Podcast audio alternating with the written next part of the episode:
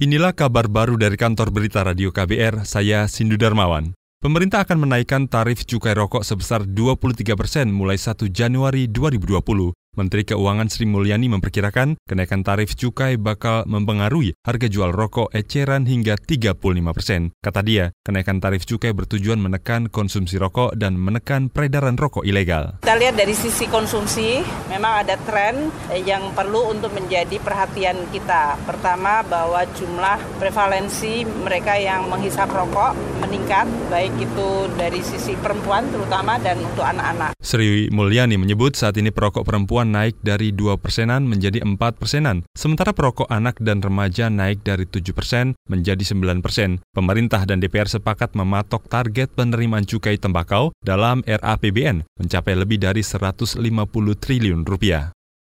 Komisi Perlindungan Anak Indonesia KPAI mendukung Badan Legislatif Balek DPR mengesahkan aturan batas minimal usia perkawinan dari 19 menjadi 19 tahun. Wakil Ketua KPAI Rita Pranawati menegaskan pendewasaan usia perkawinan bisa menjadi solusi pernikahan dini. Kita berharap pendewasaan usia perkawinan ini bisa menjadi salah satu solusi untuk pencegahan banyak hal, misalnya stunting, kemudian tercapainya SDGs, tidak ada kematian ibu dan balita, dan tentu kualitas sumber daya manusia yang lebih baik baik. Wakil Ketua KPAI Rita Pranawati berharap pada sidang paripurna nanti DPR mengesahkan aturan batas usia perkawinan tersebut. Saudara, kemarin Badan Legislasi DPR menyetujui batas minimal usia perkawinan bagi perempuan maupun laki-laki menjadi 19 tahun. Keputusan itu disepakati dalam rapat panitia kerja Badan Legislasi DPR bersama sejumlah kementerian, di antaranya Kementerian Pemberdayaan Perempuan Perlindungan Anak, Kementerian Agama, serta Kementerian Kesehatan.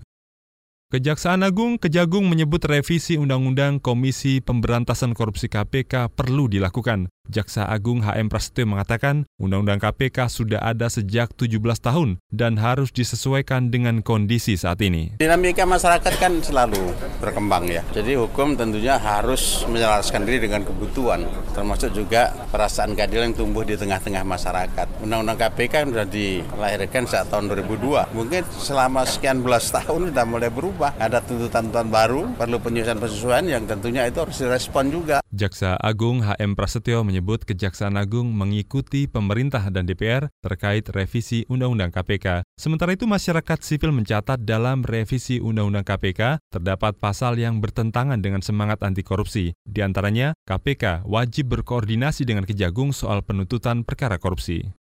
Kita beralih ke soal lain, Asosiasi Mahasiswa Pegunungan Tengah Papua membantah adanya provokator kembalinya mahasiswa dari beberapa daerah ke Papua. Sekjen Asosiasi Mahasiswa Januarius Lagowan menjelaskan kepulangan mahasiswa Papua ke kampung halamannya tak ada kaitannya dengan seruan Papua Merdeka. Lagowan menegaskan intimidasilah yang menyebabkan mahasiswa kembali dari perantauan. Ini orang Papua merasa bahwa mereka di nomor dua kan, kemudian mereka dianggap sebagai orang terbelakang. Kesadaran hari ini muncul. Yang mereka nyatakan untuk pulang dan mereka rasa tidak nyaman sekali bersama-sama dengan Indonesia. Tidak ada ULMP, tidak ada Beni Wenda, segala macam di belakang. Saudara itu tadi Sekjen Asosiasi Mahasiswa Pegunungan Tengah Papua, Januarius Lagoan. Sebelumnya ribuan mahasiswa kembali ke tanah Papua. Mahasiswa tersebut dikabarkan meninggalkan wilayah Makassar, Manado, Bali, dan Yogyakarta karena merasa tidak aman. Sementara itu, Menko Polhukam Wiranto menuding pulangnya mahasiswa ke Papua disebabkan adanya provokasi dan informasi bohong.